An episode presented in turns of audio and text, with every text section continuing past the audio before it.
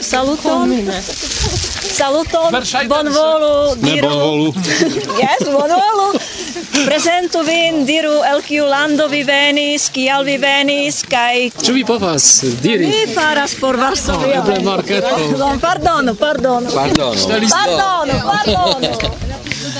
Venigu la sangue con tutti, vivu la verda stel, la lingvon kreita por ciu nas vivo la bella stel, oh vivo la, vivo la, vivo la stel, vivola, vivola, vivola stel, vivola stel, vivola stel.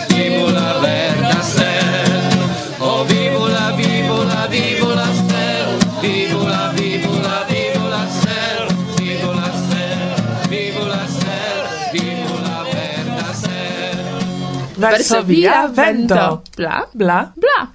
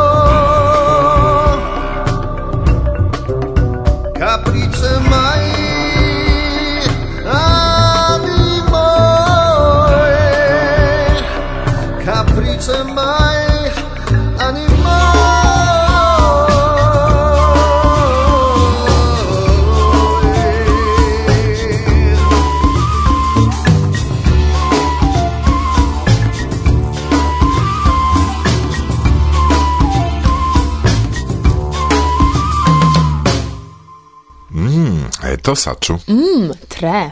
Caprice mai animoi de Shanjo. Kelk persona mojo satamo el Polando. La novam kaj premiera cododisco titolita... Shangio de la vibrado de la terglobo. Magia titolo.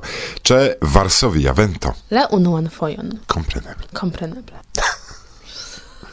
Saluton, caraj aŭskultantoj. Saluton en la lasta antaŭ la somera paŭzo elsendo. Antau vi en hodiaŭa programo du tre interesaj intervjuoj. Unu kun Roman Dobrzyński post reveno el la Kongreso de la Germana Asocio kaj la dua kun Flo, kiu ĉifoje rakontos al ni pri vinilkosmo.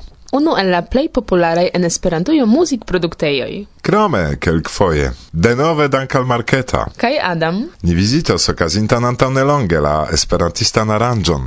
Nu ne tiel aranĝon fakte kiel la internacian renkontiĝon sur la monto Chantorio. Granda.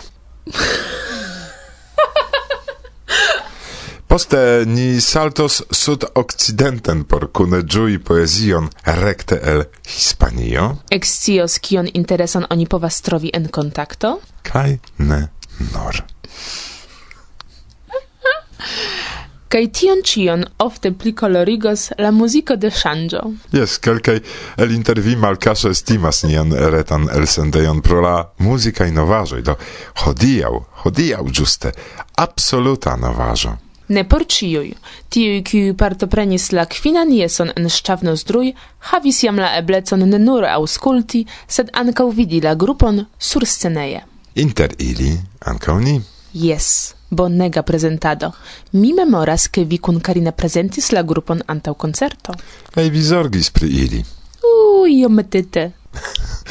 Sed eh, ĝis nun fakte audis la muzikon de Shanjo, nur partoprenantoj de Yes. Hodiaŭ do evidenta premiero mondscale ŝanĝo la unuan fojon en la esperantista radioprogramo. Dank al permesso de la grupo mem. Memkompreneble. Do karaj bonan aŭskultadon. Bla. Bla. Bla.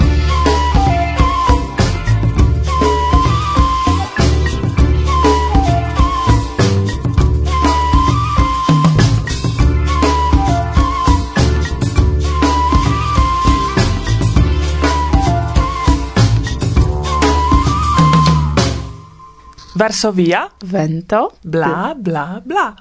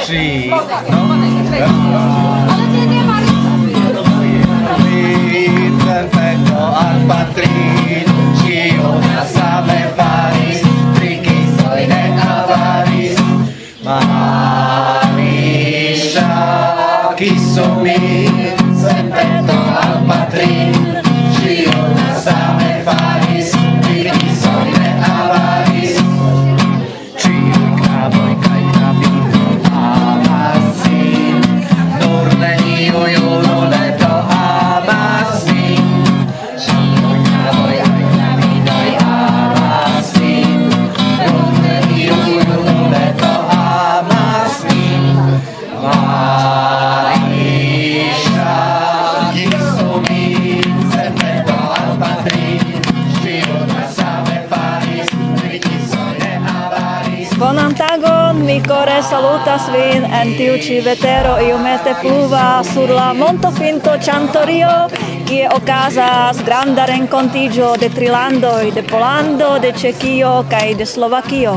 Bonvolu prezentu vin kaj diru el kiu loko vi venis, kiel yes. plaĉas al vi ĉi tie kaj kiamaniere vi okupiĝas pri Esperanto. Jes, eh, mia nomo estas eh, Jaroslav Suchanek. Mi jam estis eh, citie eble dek quin foje kaj hodiaŭ mi aŭdis la precizan nombron, ke tiu ĉi renkontiĝo estas jam la okdek kvina. Do tio signifas, tio estas la plej malnova renkontiĝo de esperantistoj en la tuta mondo. Ronda cifro, ĉu ne? Yes, yes, yes. Eh, bonega kaj eh, kaj jes bedaŭrinde la vetero ne estas eh, tre bela, sed tio estas preskaŭ la kutimo ĉi ĉi tie. Ah, yes. Do tio ne gravas. Tio ne gravas, ĉar la etoso estas bonega. Ni jam kantis, gustumis eh, kelkajn bonaĵojn kaj ankaŭ bonajn trinkojn kaj jes, mi, mi devenas originale el Ostravo en Ĉeĥio. Sed nun mi vivas en Friedland nad Ostravici, tio estas en Beskidoj, kie maniere vi okupiĝas pri Esperanto, por Esperanto, per Esperanto, Esperanto. nun aŭ en la pasinteco? en la pasinteco mi komencis kun Esperanto ege frue, kiam mi estis okjara, oh, do tio signifas ke oh, ke tio estis la jaro 1963 sed bedaurinde poste mi havis ege longan pauzon kaj Mi denove comencis kun la lingvo en la jaro 1990 ok.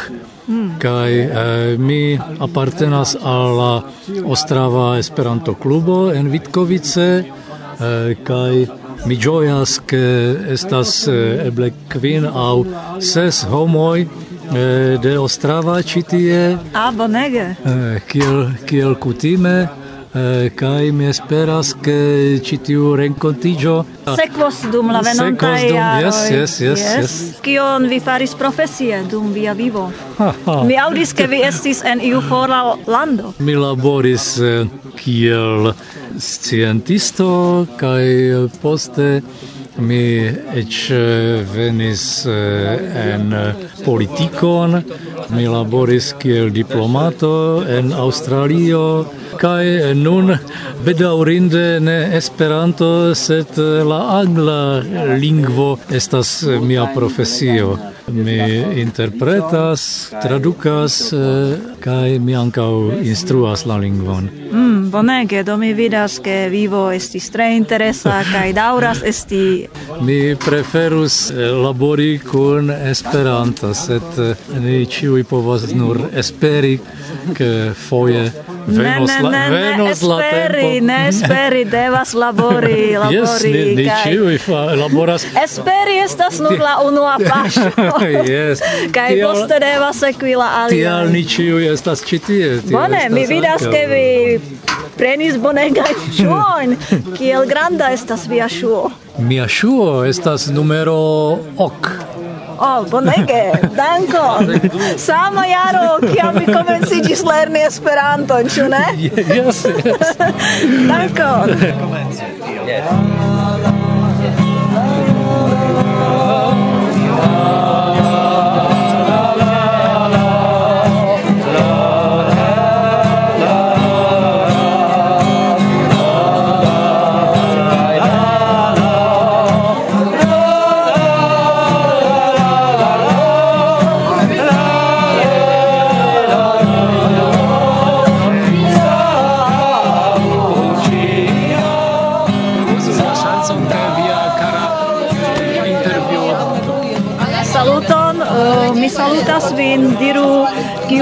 devenas, de kiu lando vi venis, kaj ĉu plaĉas al vi sur la Monto Ĉantorio? Do, mi ankaŭ salutas vin, mi estas Pablo, mi venas el Ĉeĥoslovakio, ĉar mi naskiĝis en Slovakio kaj uh, loĝas en Ĉeĥio. Kiom da fojoj vi jam estas sur la Ĉantorio? Mi estas ĉi tie duan fojon kaj estas tre bonega atmosfero ĉi tie.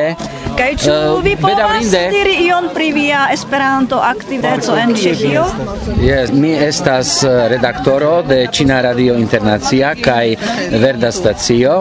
Ĉu vi konas? Jes, mi aŭdis, sed ankoraŭ mi ne vizitis. Yes, verdan stacion, jes, krokodilan yes. stacion, ĉu ne? Jes. Yes. Do, mi multfoje faras intervjuojn eh, aŭ filmojn ankaŭ en la lasta jaro ni lancis fari film journalon. Ĉu vi spektas Varsovia vento? Yes, ah, mi aŭdas. Ah, mi aŭdas tion.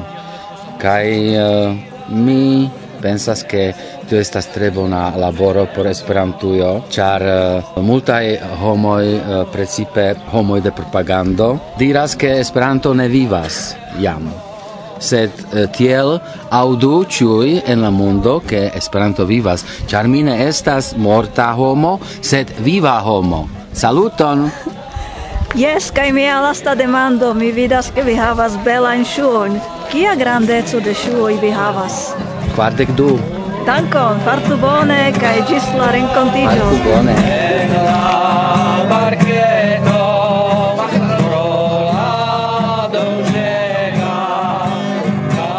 saluton! Vi eble estas plej juna partoprenantino sur la Montopinto Ĉantorio. Ĉu vi povas prezenti vin, diri kiom da jaroj vi havas, de kie vi venis? E, mi estas Polino, mi nomiĝas Dominika kaj mi estas preskaŭ dek triaraĝa. Kaj vi estas tiel kuraĝa, vi jam tiel bone parolas Esperanton.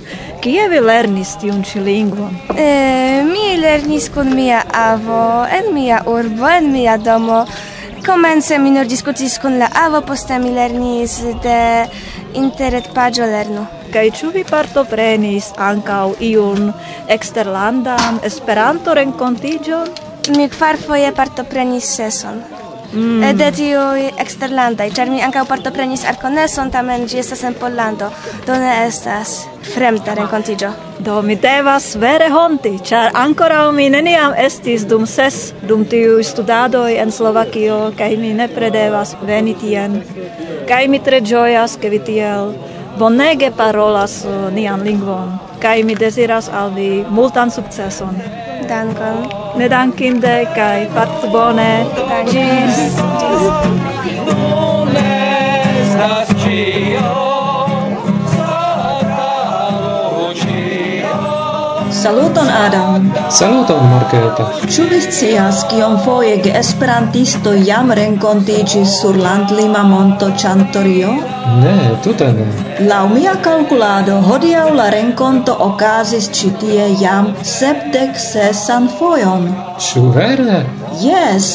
Dank al historiisto Edward Wojtakowski, kolektanto de informoj pri la renkonto publikitaj inter alie en arkivaj numeroj de Pola Esperantisto kaj Esperantisto Slovaka, ni eksciis ke la okan de majo 1927 okazis la unua renkontiĝo sur la monto Ĉantorio en Sileziaj Beskidoj organizita de ĉeĥaj esperantistoj. Partoprenis gin la cehoi, germanoi, hungaroi, poloj kaj slovakoi, sume centdek unu personoi. Ciu vi scias kiel aspectis la unua renkonto? Yes, Je la unua posttagmeze malfermis la laborkunsidon de UEA delegitaro samideano Ludwig Krista, kiu per corai vortoi salutis la cestantoin, kaj raportis pri la progressoi dum la tempo de post la lasta concido. Jan Liberda donis generalan raporton pri la laboroi de Pasca conferenzo en Praha, Prago. Post fermo de la laborconsido, Je la tria horo postagmeze sekvis komuna fotado cae amusa parto. Esperanto de la gitaro decidis tiam cun ĉeĥoslovakaj samideanoj arangi la ekskurson cun kun cae art programo. La excurso faris je la publico tre favoran impreson, cae estis bona propagandilo. Egde tiam la rencontigioi ocasadis ciujare cis la jaro 1930. Tio sonas tre interesse, cae kio ocasis poste? Decoi cae centoi da esperantistoi pilgrimis ciujare alla pinto de Chantoria por pasigi tie tagon, kiun ili poste gioie rememoris. La convenoin partoprenis cehai, polai kaj germanaj samidanoj. Esperanto detruis ciuin barojn. Neniu zorgis pri nacieco, ĉie audigis nur kaj nur Esperanto. Bedaurinde milito devigis esperantiston cesi renkontiĝi.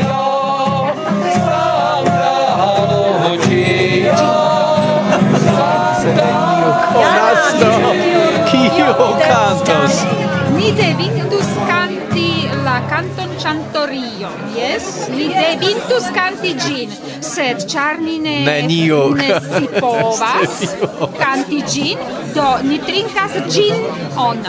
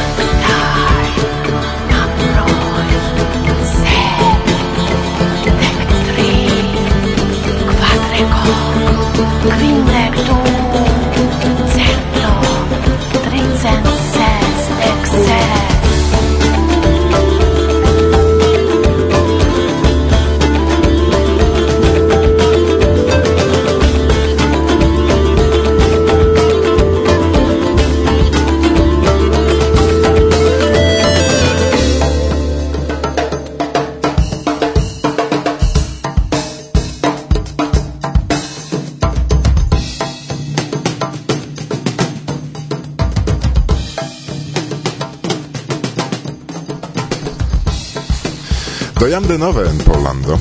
Antonia mikrofono Roman Dobrzyński post Reveno el Germanio. Do saluton, mi revenis el Erfurto, kie okazis la naudek unua Germana Esperanto Kongreso. Multe da partoprenantoj ĉe estis? Partoprenantoj la mia sio estis cent dudek sep personoi el dec unu landoi La plei multa exterlandano estis el Cinio, hm, interese, cai eble la plej malmulte estis el Pollando, char mi esi tute sola representanto de la naibara lando de Germanio kiom da germanoj estis, ĉar ja temas pri germana kongreso kaj Germanio ĉiam estis ege potenca se temas pri Esperanto movado ja en Germanio aperis la unua esperantista gazeto ĉu la esperantista en Nurembergo? Do jes fakte germanoj estis granda plimulto pli malpli cent personoj. Sed eh, laŭ mia opinio tio ne estis la plej granda germana Esperanto kongreso cetere mi mem ne rencontis quelcain personoin, kiu mi volis renconti.